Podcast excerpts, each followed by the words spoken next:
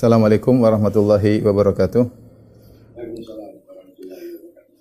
Alhamdulillahi ala ihsani wa syukru lahu ala taufiqihi wa amtinani wa asyhadu an la ilaha illallah wahdahu la syarika lahu ta'ziman li sya'ni wa asyhadu anna Muhammadan abduhu wa rasuluhu da'ila ridwani Allahumma salli alaihi wa ala alihi wa ashabihi wa ikhwani Para ikhwan dan akhwat, bapak-bapak dan ibu-ibu yang dirahmati Allah Subhanahu wa taala, majelis taklim Ar-Rohat yang dirahmati oleh Allah Subhanahu wa taala. Pada kesempatan ini kita akan bahas tentang uh, perkara yang penting untuk selalu kita uh, ingat yaitu tentang jerat-jerat syaitan ya. Karena uh, syaitan adalah uh, musuh bebuyutan bagi kita manusia yang dia sudah memproklamirkan permusuhannya uh, sejak dahulu, sejak dia uh, dendam kepada uh, Adam alaihissalam ya.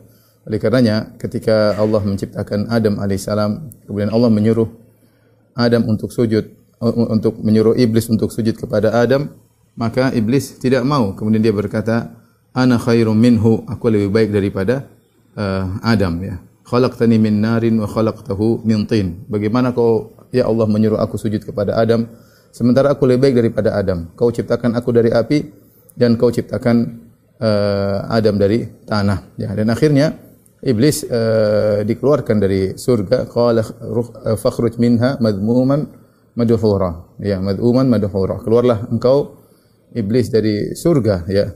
Kemudian juga fa inna alaika la'nata ila yaumiddin. Dan kau akan terlaknat sampai hari uh, pembalasan. Uh, iblis pun uh, ketika dihukum oleh Allah ya maka dia pun minta izin kepada Allah Subhanahu wa taala untuk diberi umur panjang agar bisa menggoda Adam dan keturunannya.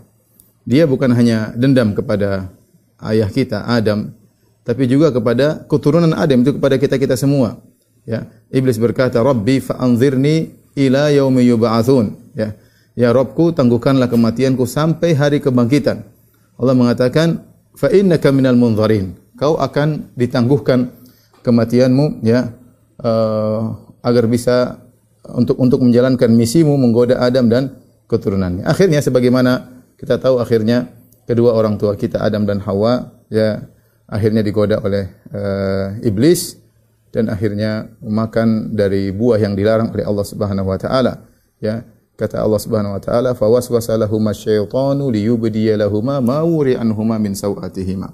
Akhirnya iblis beri waswas, beri bisikan-bisikan, berbicara dengan rayuan-rayuannya ya kepada Adam dan Hawa, bahkan iblis wa qasamahuma iblis bersumpah, "Innilakuma laminan nasihin," wahai Adam dan Hawa, saya ini niatnya baik ya. Karena iblis ketika menggoda Adam dia tidak datang dalam uh, bentuk yang menakutkan, tapi dia datang dalam kondisi sebagai penasehat. Ya, dia mengatakan, Inni lakum minan nasihin. Bahkan dia bersumpah demi Allah. Saya ini ingin menasihati kalian berdua. Niat saya agar kalian berdua lebih baik daripada kondisi sekarang. Fadallahuma bigurur. Akhirnya iblis menipu mereka uh, berdua. Akhirnya Adam dan Hawa pun uh, sebagaimana sudah kita jelaskan panjang lebar dalam kisah Nabi Adam alaihissalam akhirnya mereka berdua makan dan akhirnya mereka dihukum untuk uh, turun uh, ke bumi ya. Uh, apakah iblis puas kalau Adam sudah turun ke bumi? Tidak, iblis uh, tidak puas ya. Dia tahu dia akan masuk neraka.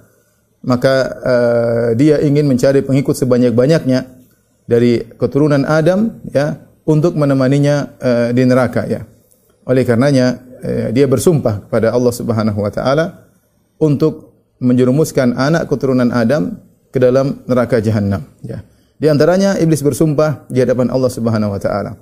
Qala hadha alladhi karramtahu karramta alayya ya la in akhartani ila yaumil qiyamah la la la la ahtanikannahu la ahtanikanna dzurriyyatahu illa qalila kata iblis wahai ya Allah ini Adam yang kau muliakan daripada aku ya kalau kau kasih kesempatan kepadaku aku akan menyesatkan keturunannya dan tidak ada yang selamat kecuali sedikit dia bersumpah, aku akan menyesatkan keturunan Adam dan tidak ada ya yang selamat kecuali sedikit. Dalam ayat yang lain ada uh, iblis mengatakan, "Fa bima aghwaytani la aqudanna lahum siratakal mustaqim."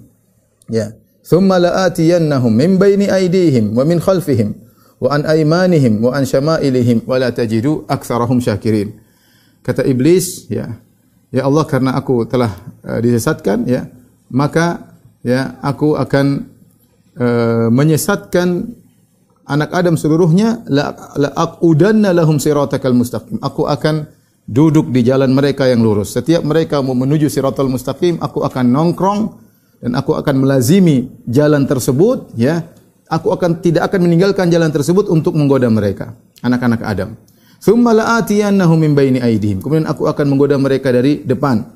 Wa an aymanihim, ya, min khalfihim dari belakang mereka, dari kanan, dari kiri. Kemudian kata iblis, wala tajidu aktsarahum syakirin dan kau akan dapati ya Allah kebanyakan mereka tidak bersyukur. Artinya kebanyakan mereka akan uh, tersesat olehku. Ya. Kemudian juga dalam ayat yang lain kata iblis la agwiyannahum ajma'in. Aku akan menyesatkan mereka seluruhnya. Jadi yang perlu kita sadari Bapak-bapak dan Ibu yang dirahmati Allah Subhanahu wa taala, kita semua adalah target iblis. Kita semua target iblis karena iblis mengatakan la aghwiyannahum ajma'in. Aku akan menyesatkan mereka seluruhnya. Selama kita adalah anak keturunan Adam, maka kita adalah target yang ingin iblis sesatkan. Uh, Allah Subhanahu wa taala ya telah mengingatkan kepada Adam orang tua kita akan bahayanya syaitan ya. Dan juga Allah ingatkan kepada kepada kita melalui ayat-ayat Allah Subhanahu wa taala uh, bahwasanya syaitan ini memang adalah musuh kita, musuh yang sangat nyata yang ingin menjerumuskan kita semua dalam neraka jahanam ya. Uh, Allah berkata kepada Adam alaihissalam inna hadza aduwwul laka wa li fala yukhrijannakuma minal jannati fatashqa. Wahai Adam ingatlah ini iblis adalah musuhmu dan musuh istrimu. Jangan sampai dia mengeluarkan kalian berdua dari surga maka kau akan sengsara. Dan ternyata berhasil. Adam dan Hawa ya padahal sudah diingatkan oleh Allah. Tetapi Adam alaihissalam uh, kalah dari tipuan syaitan. Yang ini menunjukkan menunjukkan bagaimana hebatnya tipuan iblis kepada Adam. Padahal Adam sudah diingatkan oleh Allah Subhanahu wa taala. Ya. Tetapi ya ternyata Adam pun uh, lalai ya. Alaihissalam wa asa adamu rabbahu. Kata Allah Adam pun bermaksiat kepada Rabbnya ya. Kita tidak meragukan akan keimanan Adam alaihissalam orang tua kita. Tapi saking hebatnya iblis dalam menggoda, ya. Itu yang buat akhirnya Adam alaihissalam terpedaya dengan tipuan-tipuannya, makanya Allah mengatakan fadallahum bi ghurur, yaitu iblis menggoda Adam dan Hawa dengan tipuan-tipuan ya, dengan tipuan, dengan sumpah, dengan kata-kata manis, dengan datang sebagai penasehat, bukan datang dalam bentuk mengerikan, tidak. Tentu itu mungkin Adam dan Hawa takut, tidak. Dia datang dalam bentuk yang menyenangkan, memberi nasihat, kata-kata indah, kata-kata menarik. Akhirnya perlahan-perlahan akhirnya Adam dan Hawa pun terjebak dan akhirnya turun dari dari bumi. Demikian juga Allah Subhanahu wa taala sudah ingatkan kepada kita, "Alam ahad ilaikum ya bani Adam, ya la ta'budu syaitan innahu lakum aduwwum mubin." Bukankah aku telah mengingatkan kalian wahai anak-anak Adam, ya, jangan kalian sembah syaitan. Sungguhnya syaitan ya adalah musuh kalian yang nyata. Ya, musuh kalian yang yang nyata. Allah Subhanahu wa taala juga dalam surat Al-A'raf mengingatkan tentang permusuhan syaitan kepada kita semua. Ya bani Adam, la la yaftinak la yaftinak la yaftinannakum syaitanu kama akhraja abawaykum minal jannah. Wahai anak-anak Adam, jangan sampai kalian terfitnah oleh syaitan. Kama akhraja abawaykum minal jannah. Sebagaimana dia telah berhasil mengeluarkan kedua orang tua kalian dari surga.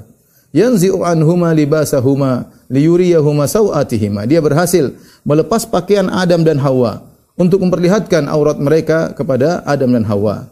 Ya, ini Allah ingatkan, jangan sampai kalian terfitnah karena iblis pernah berhasil menjerumuskan kedua orang tua kalian sehingga uh, disesatkan oleh oleh iblis ya.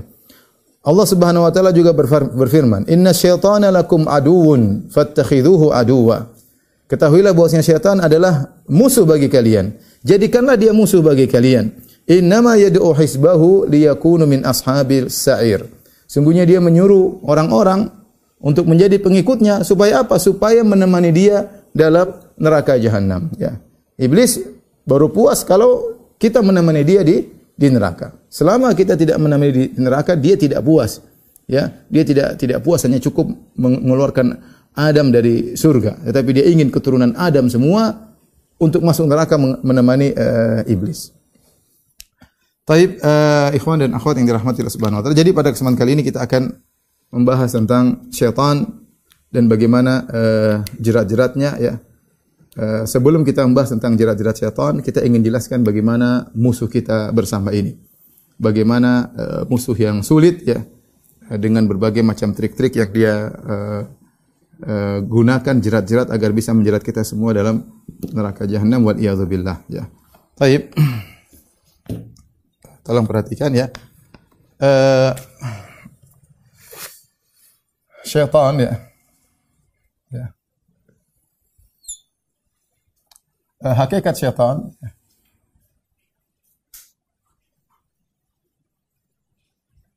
Uh, kemudian uh, yang kedua mungkin kita bahas hakikat musuh-musuh kita ya. Uh, hakikat uh, kondisi musuh kita.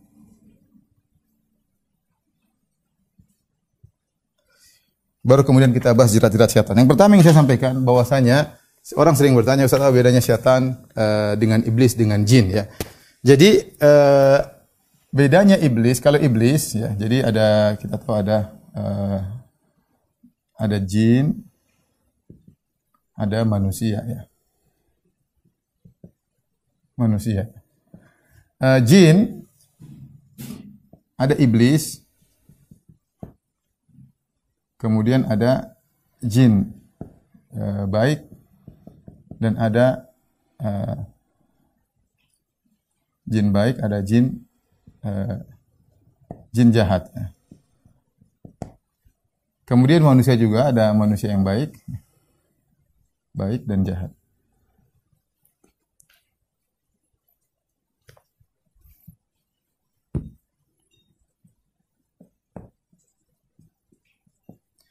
Adapun iblis, inilah dia berasal dari golongan jin, tetapi ditangguhkan berasal dari golongan jin yang ditangguhkan umurnya. Ditangguhkan umurnya hingga hari kiamat. Hingga hari kiamat. Untuk apa? Untuk menggoda manusia. Untuk menggoda, ya, untuk menggoda manusia. Adapun jin, ya, iblis juga dari jin, ya, sama-sama dari jin. Tapi jin ada jin yang baik dan jin jahat. Kedua jin ini, ya, e, mati sebagaimana yang lainnya, mati dan tidak ditangguhkan umurnya, tidak ditangguhkan umurnya. Berbeda dengan iblis, ya. Iblis e, punya anak buah dan anak buah iblis adalah jin-jin jahat. Nah, jin jahat ini disebut juga dengan syaitan ya. Iblis adalah bosnya syaitan.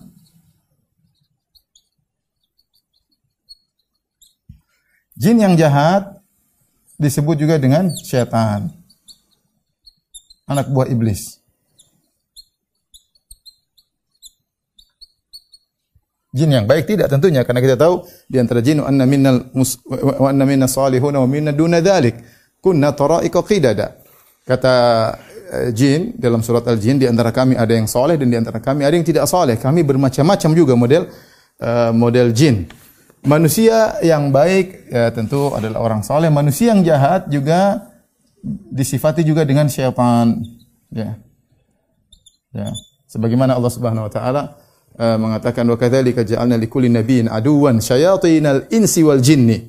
Sebagaimana kami telah menjadikan bagi setiap nabi ada musuh syayatinal insi wal jinni, syaitan manusia dan syaitan jin. Jadi syaitan itu sifat, sifat buruk manusia yang uh, buruk disebut juga dengan uh, syaitan. Ya. Jin yang buruk juga disebut dengan syaitan. Yang syaitan manusia maupun syaitan jin adalah sama-sama anak buah iblis. Ini juga anak buah iblis. Ya. Hanya saja kalau syaitan anak buah iblis dari kalangan jin, dia sadar bahwasanya dia diperintah oleh iblis. Tapi kalau syaitan dari kalangan manusia, dia tidak sadar bahwasanya dia dipergunakan oleh setan untuk uh, menjerumuskan manusia. Oleh karena kita dapati betapa banyak orang-orang yang uh, bersifat buruk dan ingin keburukan dan ingin menjauhkan orang dari tauhid, ingin menjerumuskan orang dalam kesyirikan, ingin membawa orang ke dalam kemaksiatan, menyuruh orang terjerumus dalam pelanggaran-pelanggaran. Mereka sesungguhnya adalah setan-setan manusia, ya. Mereka kalau dibilang bos mereka setan mereka tidak sadar, tapi sungguhnya mereka adalah uh, anak buah anak buah setan. Dari sini kita paham bahwasanya uh, yang menggoda nenek moyang kita yaitu Adam alaihissalam adalah iblis. Ya, iblis inilah yang ditangguhkan umurnya sehingga hari uh, kiamat. Nah, kita lihat ya. Ketika kita tahu iblis ditangguhkan umurnya sampai hari kiamat, berarti umurnya sekarang sudah berapa? Umurnya sudah sangat lama ya dari zaman Nabi Adam sampai sekarang entah berapa puluh ribu tahun umurnya ya e, dan ini menunjukkan ya. Iblis ya pakar dalam menggoda. Dalam menggoda manusia. Kenapa? Karena banyak pengalaman ya. Banyak pengalaman ya. dia sudah tahu bagaimana cara menggoda uh, ustadz dia tahu, bagaimana cara menggoda ulama dia tahu, bagaimana cara menggoda pejabat dia tahu, bagaimana cara menggoda orang miskin dia tahu, bagaimana cara menggoda ibu rumah tangga dia tahu, bagaimana cara menggoda kepala rumah tangga dia tahu, bagaimana cara menggoda anak-anak muda dia tahu. Dia sudah sangat berpengalaman dan dia telah berhasil uh, menyesatkan banyak orang. Dia sudah berhasil. Kita tidak mengatakan dia tidak berhasil, dia berhasil. Ya, Makanya Allah Subhanahu wa taala berfirman dalam Al-Qur'an, "Wa laqad dzara'na li jahannama katsiran minal jinni wal insi." Sungguh kami akan memenuhi neraka jahanam dengan banyak manusia dan banyak jin. Manusia banyak ikut masuk. Bahkan iblis bukan cuma menyesatkan manusia, bahkan manusia-manusia tersebut dijadikan sebagai anak buahnya tanpa mereka sadari. Tanpa mereka sadari. Bahkan sebagian ulama mengatakan begitu banyak manusia yang hebat dalam menyesatkan seperti Firaun sampai ngaku sebagai Tuhan, Ya, sampai sebagian ulama mengatakan iblis pun kalah dengan manusia tersebut ya. Dididik manusia ini menjadi penjahat sampai-sampai dia lebih hebat daripada daripada iblis. Lihat Firaun ngaku sebagai Tuhan, iblis saja tidak ngaku sebagai Tuhan. Iblis tidak ngaku sebagai Tuhan. Dia tahu Allah Tuhannya. Ya. Firaun sombong sampai ngaku sebagai Tuhan.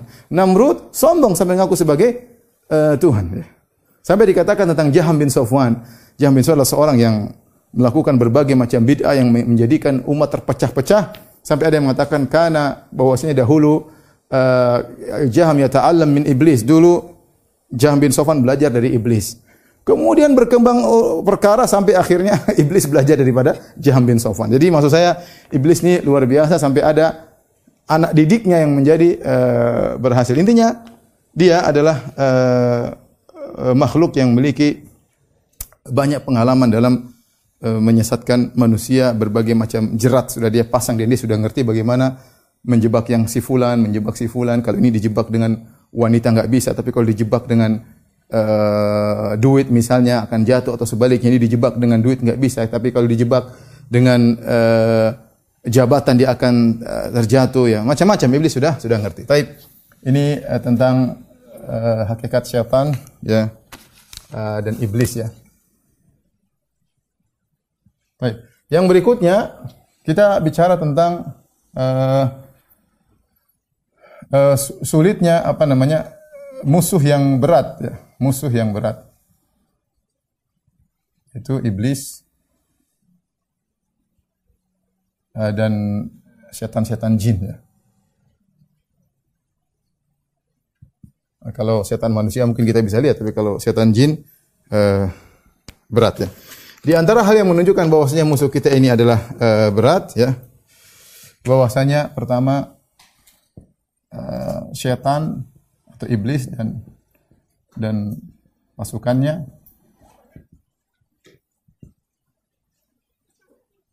uh, melihat kita namun tidak terlihat oleh kita. Kata Allah Subhanahu wa taala, "Innahu yarakum huwa wa qabilatuhu min haitsu la tarawnahum."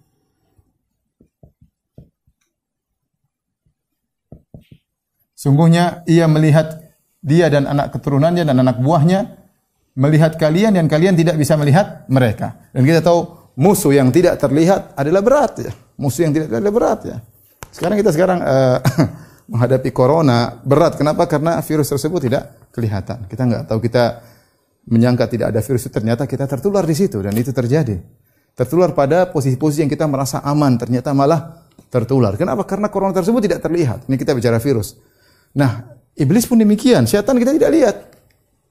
Dia tidak lihat di mana dia apa yang sedang dia uh, rencanakan kita tidak tahu. Jadi musuh yang tidak terlihat adalah uh, musuh yang berat. Kemudian di antara hal yang menunjukkan bahayanya iblis dan syaitan adalah uh, mereka ya lokasinya sangat dekat. Lokasi mereka sangat dekat. Apa kata Allah kata Nabi sallallahu alaihi wasallam, "Inna syaitana yajri min bani Adam majrodam." Ya. Sungguhnya setan, setan itu uh, mengalir dalam tubuh manusia sebagaimana aliran darah. Ya. Ada, sebagaimana aliran darah. Oleh karenanya bahkan dalam hadis disebutkan bahwa setiap manusia ada korinnya. Ada korinnya, ada setan yang menemaninya siap selalu menggoda dia maka dia harus berbenteng dengan keimanan, ketakwaan dan yang lainnya. Tapi intinya uh, setan uh, usah bukan bukan tinggal di lantai dua, bukan tinggal di RT lain, enggak. Dia sampai mengalir dalam tubuh kita, menggoda dalam tubuh kita. Ya.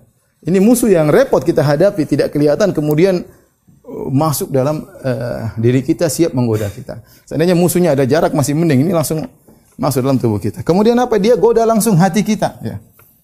Yang digoda langsung kolbu kita. Kolbu kita itu alat yang sangat vital. Makanya alladzi yuwaswisu fi sudurin nas kata Allah Subhanahu wa taala, alladzi yuwaswisu fi sudurin nas. Yang membisik-bisikkan dalam dada manusia ya. Yang bisik-bisikan dalam dada manusia. Berat ya yang dia langsung bukan bukan lagi di telinga, dia langsung ke ke kolbu kita yang situ merupakan tempat penentu kita iya atau tidak ya. Iya atau tidak ya. Kayak sebagian lama mengatakan bahwasanya antara kolbu dengan akal, akal benar, akal adalah bagian uh, penerima data, mengolah data, tapi begitu mengatakan iya atau tidak urusnya dengan kolbu, urusnya dengan kolbu. Iya lakukan atau atau tidak ya. Dan itu bagian tempat yang digoda oleh oleh syaitan uh, tempat mengambil keputusan ini berbahaya ya. Ini menunjukkan uh, bahayanya syaitan. Kemudian di antara uh, menunjukkan bahayanya syaitan ya. Keempat kata Nabi SAW dalam hadis, ya, syaitan uh, tidak pernah lelah. Lelah menggoda. Dalam hadis kata Nabi SAW, Inna syaitan ada li bini Adam atau yaqudu li bini Adam eh, ada li bini Adam bi atrukihi Apa artinya? Artinya setan nongkrong untuk Adam-Adam di seluruh jalannya. Setan nongkrong di seluruh di seluruh jalan kebaikan anak Adam.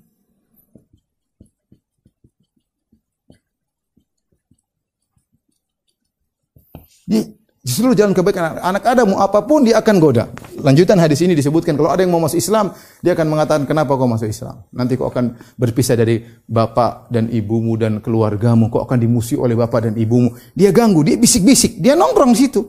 Nongkrong dan dia sabar dalam menggoda manusia, ya. Sabar dalam menggoda manusia. Kalau dia kalau dia mau uh, berhijrah maka akan di takut-takut kau akan meninggalkan uh, tempatmu, kau akan tinggal pekerjaanmu, kau akan berpindah ke suatu tempat yang baru yang situ tidak ada teman-temanmu, kau akan asing di sana sehingga orang akhirnya tidak mau berhijrah.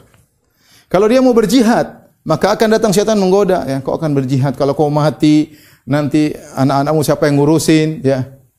Makanya dikatakan al-walad makhbalah eh, majbanah. Anak-anak itu bisa bikin jadi penakut, bisa jadikan pelit. Ya, orang mau sedekah mikir anaknya nggak jadi orang mau berjihad mikir anaknya nggak jadi ya. Setan akan menggoda kalau kau berjihad bagaimana anak, bagaimana istrimu. Kalau kau mati istrimu akan dinikahi lagi oleh laki lain, hartamu akan dibagi-bagi. Dia selalu menggoda segala jalan kebaikan dia nongkrong.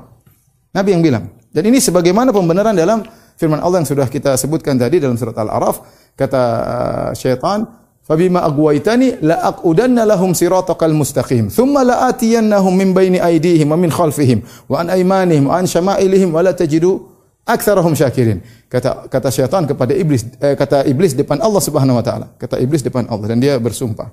Ya, kata dia la agwi uh, la, uh, la aqudanna lahum siratal mustaqim. Siratakal mustaqim. Aku akan nongkrong ya, duduk di jalan kebaikanmu ya Allah untuk menghalangi mereka. Setan uh, sampai tidak dikatakan la udanna la lahum ala siratikal mustaqim. Sampai sebenarnya mengatakan Allah tidak menggunakan kata ala.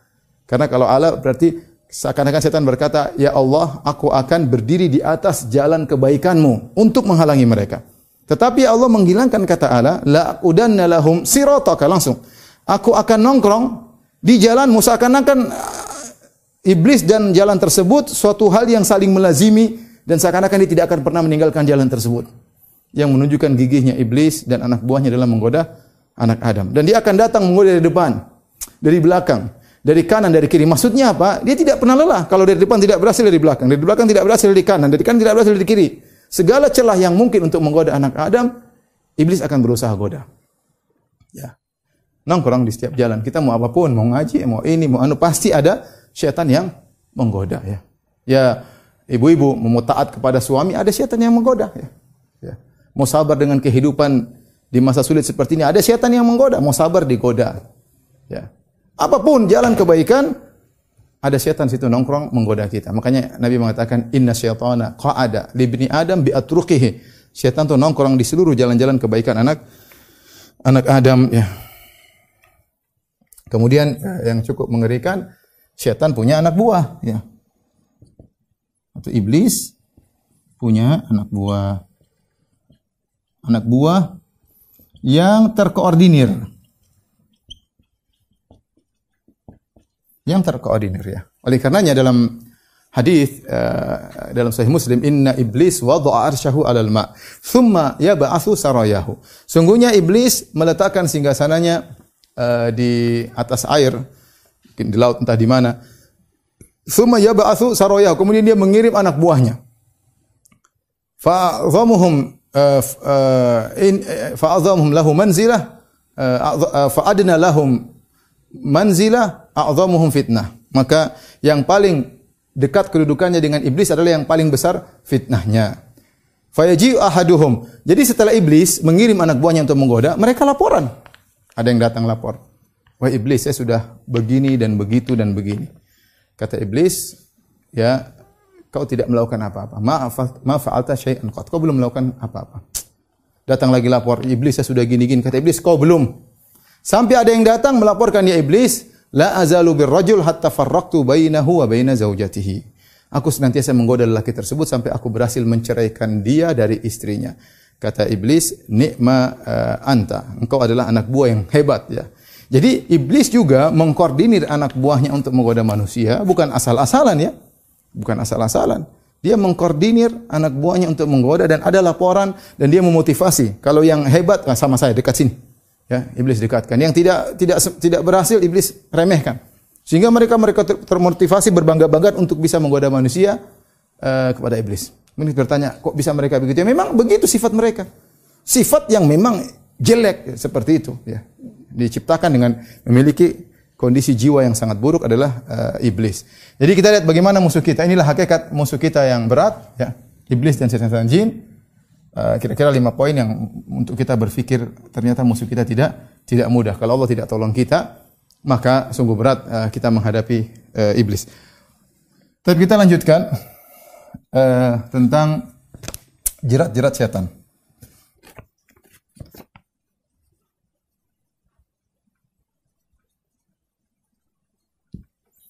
Jerat-jerat setan. Jerat-jerat setan eh, tentu sangat banyak. Sudah kita sampaikan iblis sudah mungkin umurnya 20-an ribu tahun, kita nggak tahu umurnya berapa dan dia sudah banyak pengalaman ya. Dan dia terus melatih anak buahnya untuk menggoda kita semua. Tapi secara umum ada beberapa poin yang disebut oleh para ulama yang menunjukkan bagaimana trik-trik iblis dalam uh, menggoda manusia. Seperti disebutkan oleh Ibnu Qayyim rahimahullah taala ya, di antaranya iblis uh, melihat kecenderungan seseorang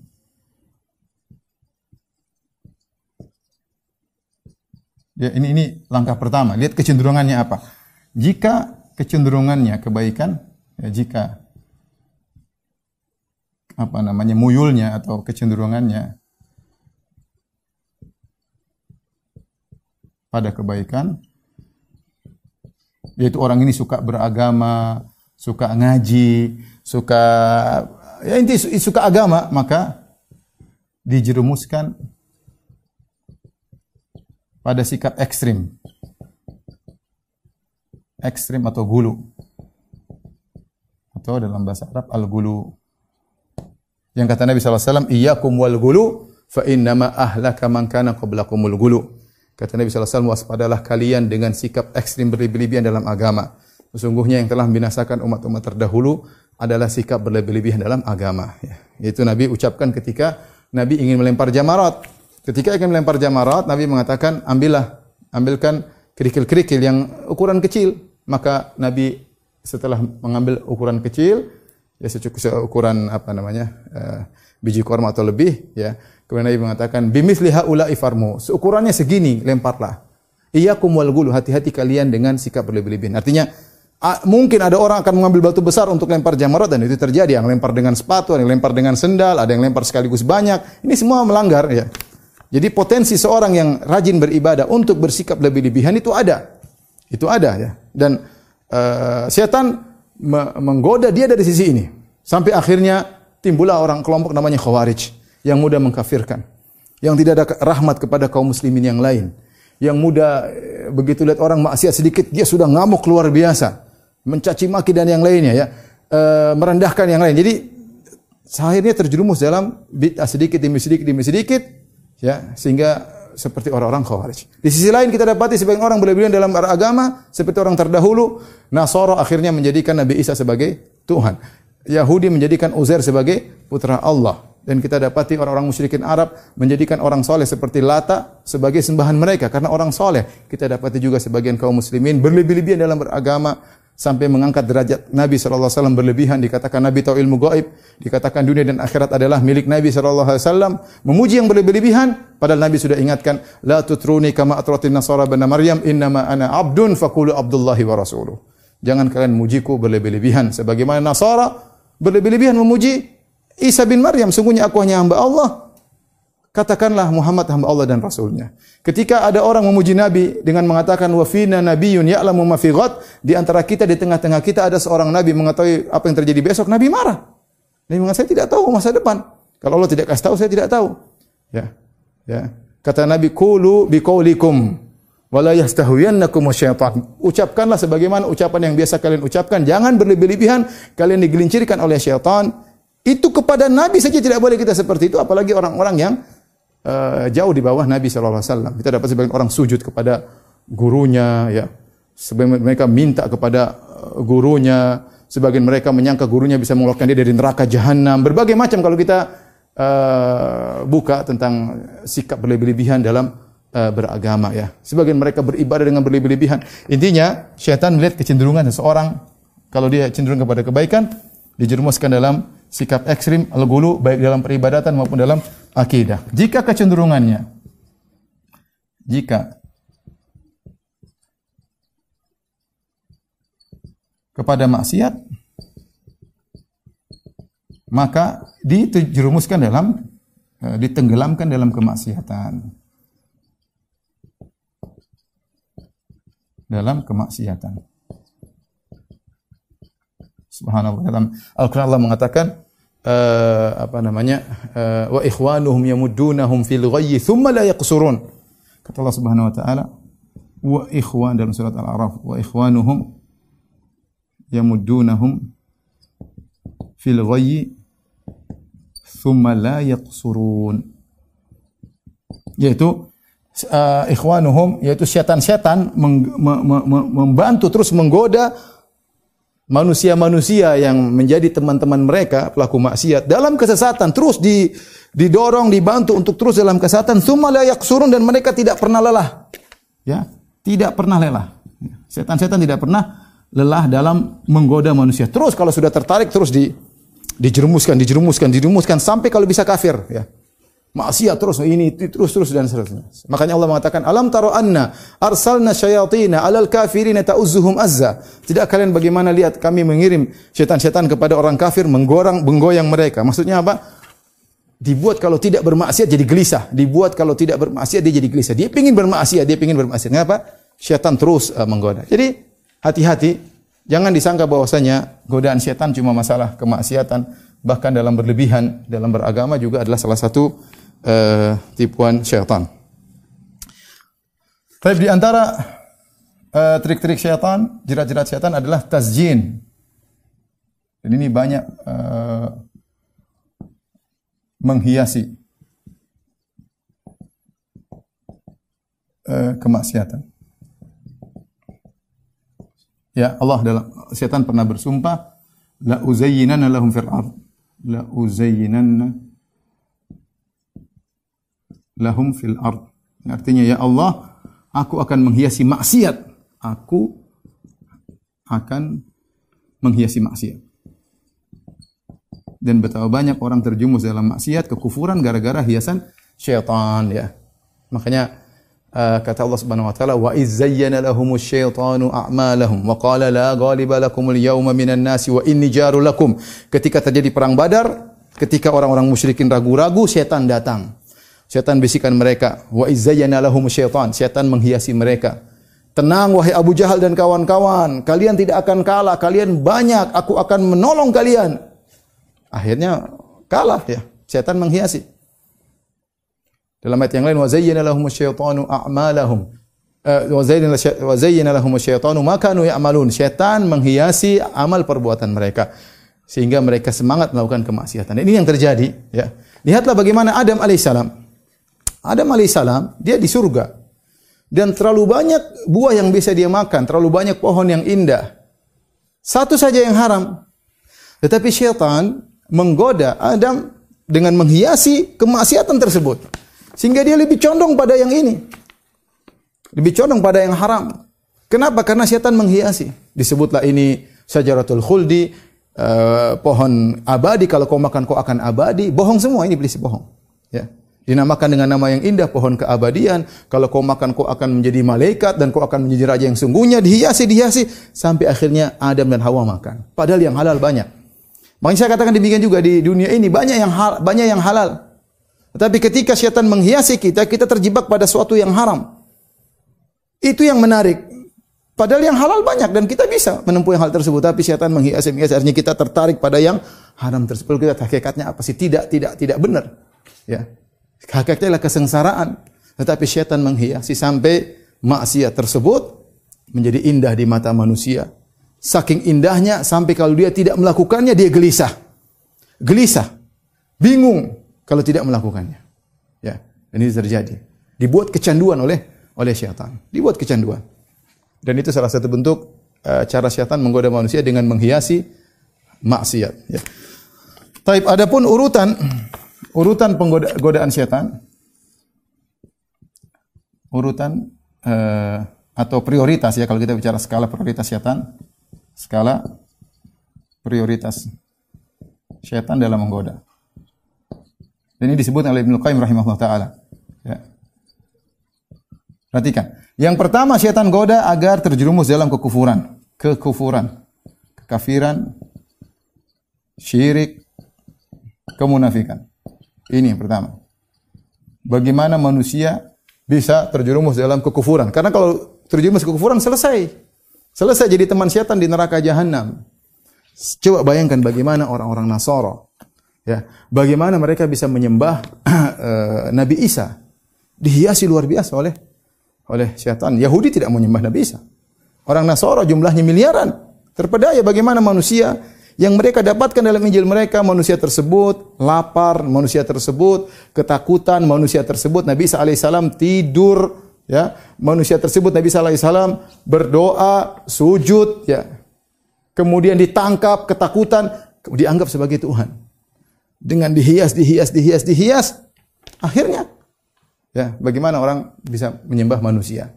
Lihat bagaimana banyak orang menyembah berhala. Berhala, subhanallah, lihat sebagian berhala kita lihat kita sedih.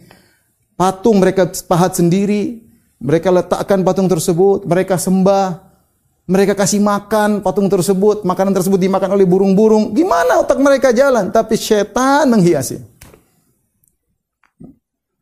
Ya, setan menghiasi. Ya. Ada yang menyembah matahari, menyembah bintang, setan menghiasi. Ya. Bagaimana? Ini yang pertama, bagaimana menjerumus manusia dalam syirik dalam kemunafan. Kalau tidak berhasil, maka dijerumuskan kepada bid'ah dengan berbagai macam modelnya. Bid'ah. Bid'ah ada bid'ah yang sampai pada kekufuran, ada bid'ah sekedar maksiat. Bertingkat-tingkat. Kenapa dijerumuskan kepada uh, bid'ah? Karena bid'ah lebih disukai oleh syaitan daripada maksiat. Ya kata Sufyan Ats-Tsauri, al-bid'atu ahabbu ila syaitan ila iblis minal maksiyah bid'ah lebih disukai oleh iblis daripada maksiat. Kenapa? Al maksiatu yutabu minha wal bid'atu la yutabu minha. Adapun maksiat orang masih mungkin bertobat. Kenapa dia sadar itu maksiat? Tapi kalau orang sudah terjerumus dalam bid'ah, dia tidak sadar kalau dia bermaksiat. Dia menyangka itu adalah ibadah yang memberikan dia kepada Allah. Dia minta-minta kepada kuburan, dia menyangka itu adalah ibadah. Repot. Dia berzikir sambil joget-joget, dia menyangka itu ibadah. Gimana mau kita suruh taubat? Ya ini bagus, yang bagus ya. Nah, gimana? Ya.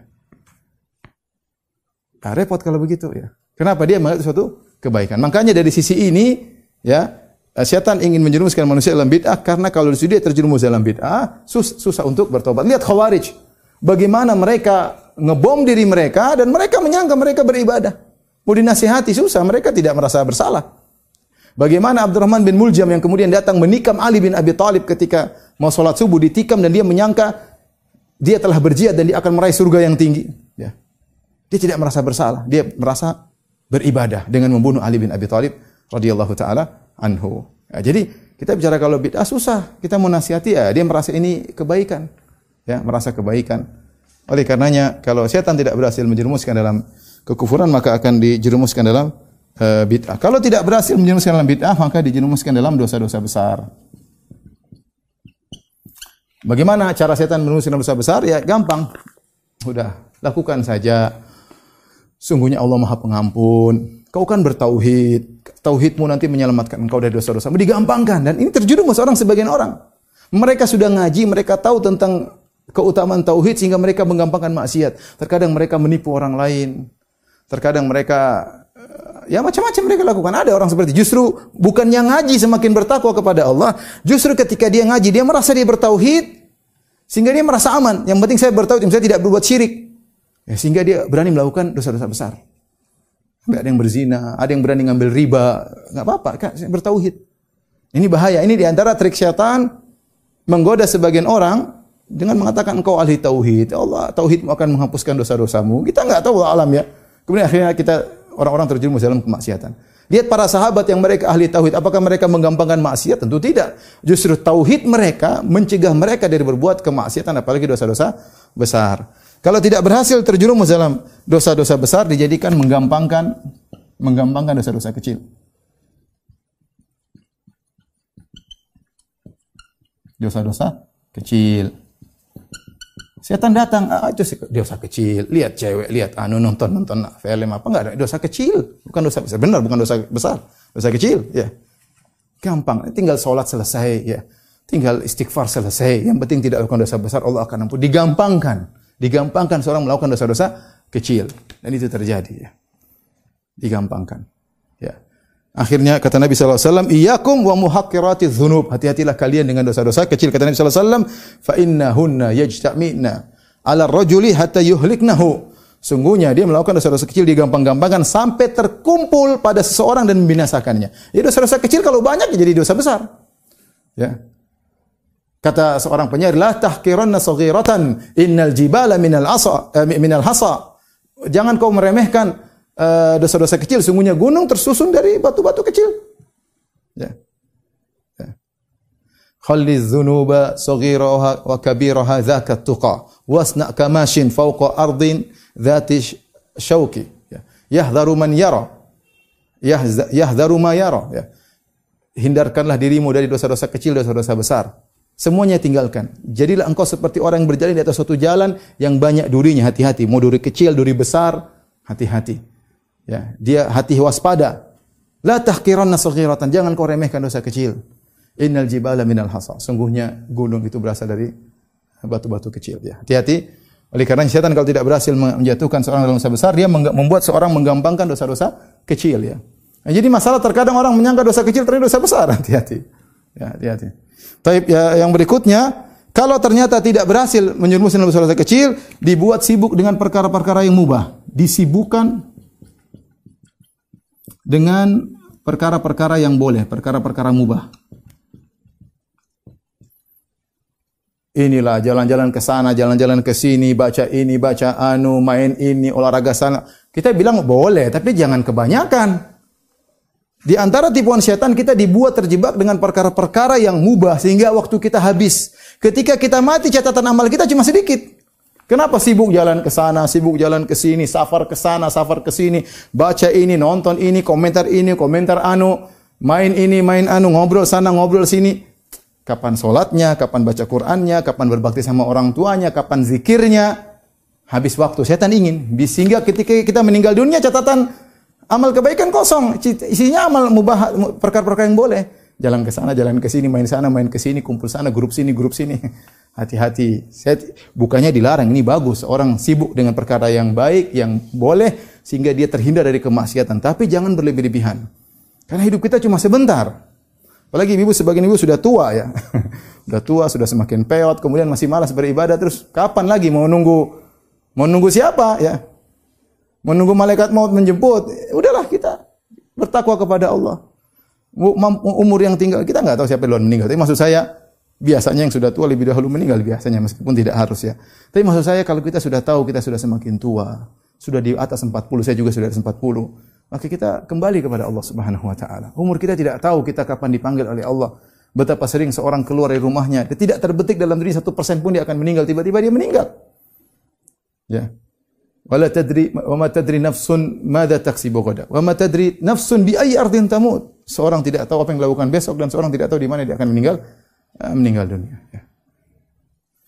Tapi kita lihat sekarang di musim corona banyak orang kaya, uangnya banyak, tapi dia nggak bisa menyelamatkan diri. Kasih virus kena meninggal dunia. Tapi hati-hati jangan tersibukkan dengan perkara-perkara mubah sehingga akhirnya membuat kita kosong dari amal saleh. Yang terakhir kalau setan tidak berhasil menjerumuskan dalam hal ini, disibukkan dengan ibadah-ibadah ibadah-ibadah yang pahalanya kurang ya sehingga meninggalkan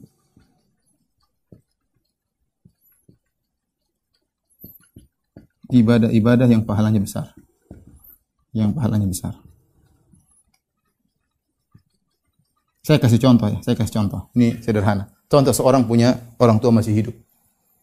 Kan pahalanya besar kalau dia menyenangkan ibunya, menyenangkan bapaknya. Tapi setan buat dia lalai dari ibunya. Dia sekedarnya saja.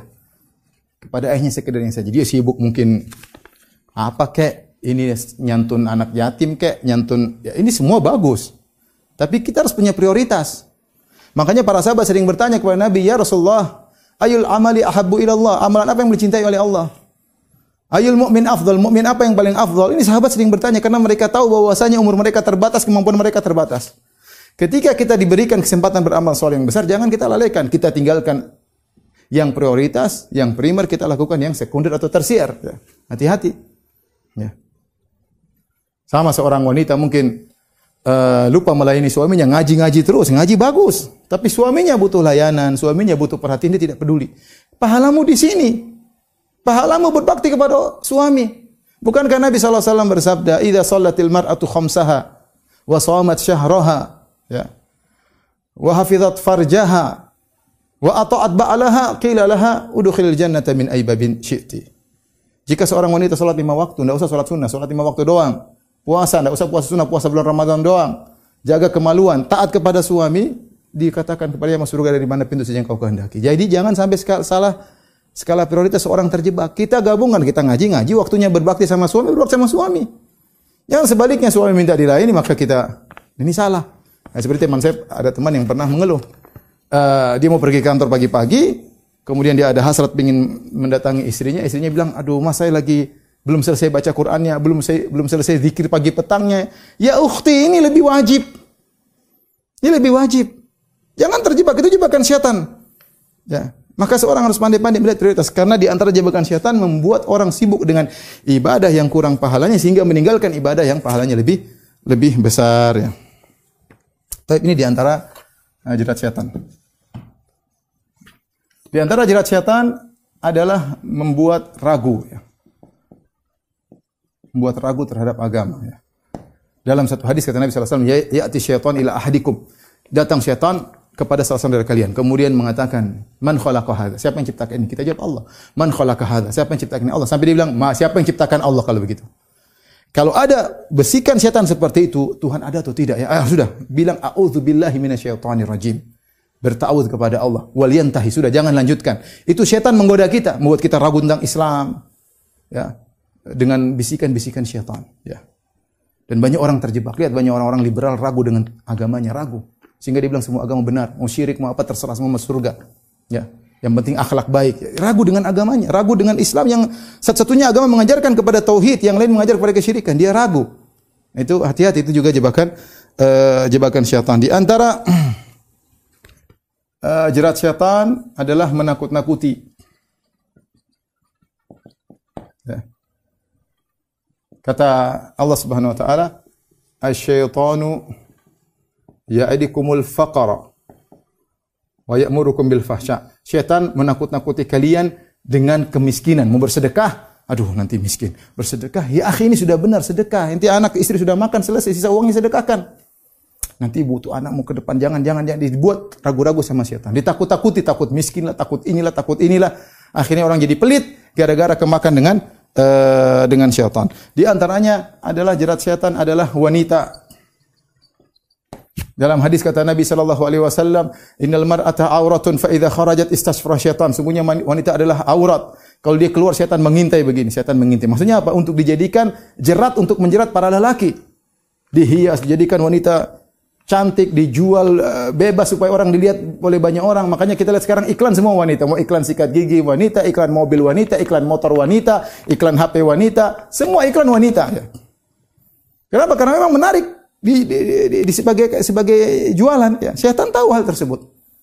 Wanita dijadikan jerat-jerat uh, syaitan. Di antaranya mengadu domba. Apa kata Allah Subhanahu wa taala? Wa kulli ibadi yaqulu latihi ahsan. Katakanlah kepada hamba-hambaku untuk mengucapkan kata-kata yang lembut. Ya. Inna syaitana yanzagu bainahum. Sungguh syaitan mengadu domba di antara mereka. Ya. Kalau ngomong baik-baik, jangan jangan sembarangan ngomong. Kita sama kaum mukminin, hati-hati jaga. Mungkin kita punya niat baik, menegur orang, tapi ingat kata-kata dijaga. Karena oleh Allah yang suruh, inna syaitana ya, wa kulli ibadi yakullatihi asan. Katakanlah kepada hamba-hambaku, ucapkanlah kata-kata yang baik. Sungguhnya syaitan mengodomba di antara di antara mereka. Ya.